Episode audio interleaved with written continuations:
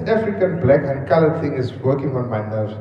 Because people blow this thing out of proportion saying that this is racist and this is racist. Why does racism only apply when blacks are implicated? Hierdie versigtiging is van dese week deur 'n inwoner uitgespreek by 'n vergadering wat die skoolgemeenskap van Klipspruit Wes Sekondêre Skool in Eldorado Park dig by Soweto in Johannesburg met die Gautengse LER vir onderwys Panyaza Lesufi gehou het. Dit was om die gemeenskap en beheerliggaam se ongelukkigheid te bespreek met die aanstelling van 'n swart skoolhoof bo wat hulle reken ewig geskikte breinkandidaate was. 'n Senior projekleier by die Instituut vir Geregtigheid en Versoening se volgehoue dialoogprogram, Kenneth Nkwenkwe Lukuko, reageer as volg op die gebeure. The issue of Eldorado Park and the school governing body and the rejection of a principal is in my view, or in our view, not as simple as it may look. We've recently done some work, for an example, in some of the local communities here dealing with peace and safety and the work of the police. And what has happened is that uh, some of the views of the communities, especially in highly violent and gang violence, kind of like infested communities, people say when there is somebody of authority who actually understands not just the language but also the cultural idiosyncrasies and many of the little things that the local people would understand but someone who does not live there wouldn't understand. Then they actually mentioned that there's a preference for police officers in times like that who are colored meaning that those who don't just understand the language but also you know the deeper issues of the dialect and the idiosyncrasies of the culture. Dis ook 'n kwessie wat by die vergadering tussen LER Lesofie en die gemeenskap ter sprake gekom het. We get the police station with only our brothers, majority. We go to our clinics, the majority is our brothers. We go to our libraries, the majority is our brothers. What are they saying to us? We are incompetent. Are we incompetent in this? Can we not handle the jobs that is there for us? Regverdig dit egter die uitsluiting of verwerping van 'n swart hoof by 'n brein skool en wat is die rol van die beheerliggaam in aanstellings? Paul Kalditz is die uitvoerende hoof van die Federasie van Skoolbeheerliggame, oftewel FETSAS. Enige onderwyser, dit sluit 'n skoolhoof in, kan net by 'n skool aangestel word op aanbeveling van die beheerliggaam van daardie skool.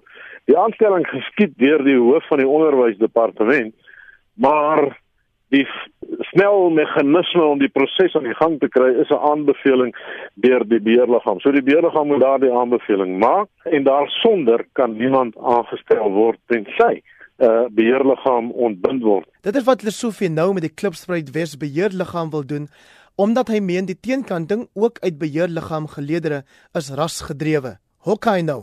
Maar die internasionale menseregte kenner Dr Danny Titus ons moet oop en eerlik wees dat dat wanneer daar dinge verkeerd gaan dat ons die vrymoed moet hê om dit te kan sê en dit nie alles noodwendig aan rasisme te wil gaan koppel. Dit is te maklike uitweg terwyl daar wesenlike kwessies op die grond staan. Die Gautengse Onderwysdepartement sê in 'n mediaverklaring opvoeders word uitsluitlik op grond van hul kwalifikasies en ervaring aangestel.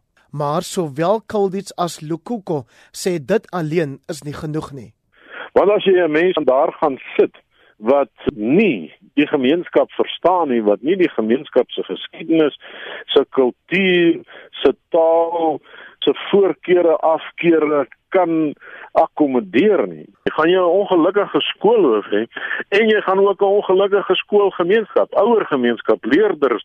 Jy gaan ongelukkige onderwysers in die skool hê uh omdat daar hierdie gebrek aan kommunikasie is, gebrek aan interaksie met mekaar. En dit is die leierskaprol wat 'n skoolhoof moet vervul, daardie interaksie met al hierdie verskillende rolspelers en belanghebbendes in die skoolgemeenskap is van absolute kardinale belang vir die leierskap van 'n skoolhoof om suksesvol te wees. We can say the qualifications are what matter. You know, and an African principal who's not from the community, as long as he he's able to deliver in terms of you know the technical aspects of the work, should be fine. That is one angle. But if the community, for an example, has had some serious issues in recent times that made them to believe that some, you know, someone who really understands the history of the community is needed, then they need to be listened to. There's probably merit on both sides of the argument. Wat is dan die weg vorentoe? Weer Lukuko van die Instituut vir Geregtigheid en Versoening se volgehoue dialoogprogram. A process where especially the community is listened to is needed.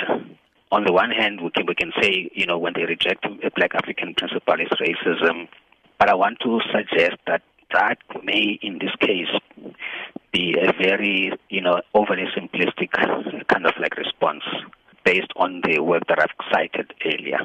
Dr. Danny Titus. Die weg vorentoe is om werklik te verstaan wat in Suid-Afrikaanse gemeenskappe plaasvind, veral in die bruin gemeenskappe en om te sien wat die kwessies wat daar te sprake is dat ouers net so bekommerd is oor hulle studies en hulle kinders se leerwerk en vordering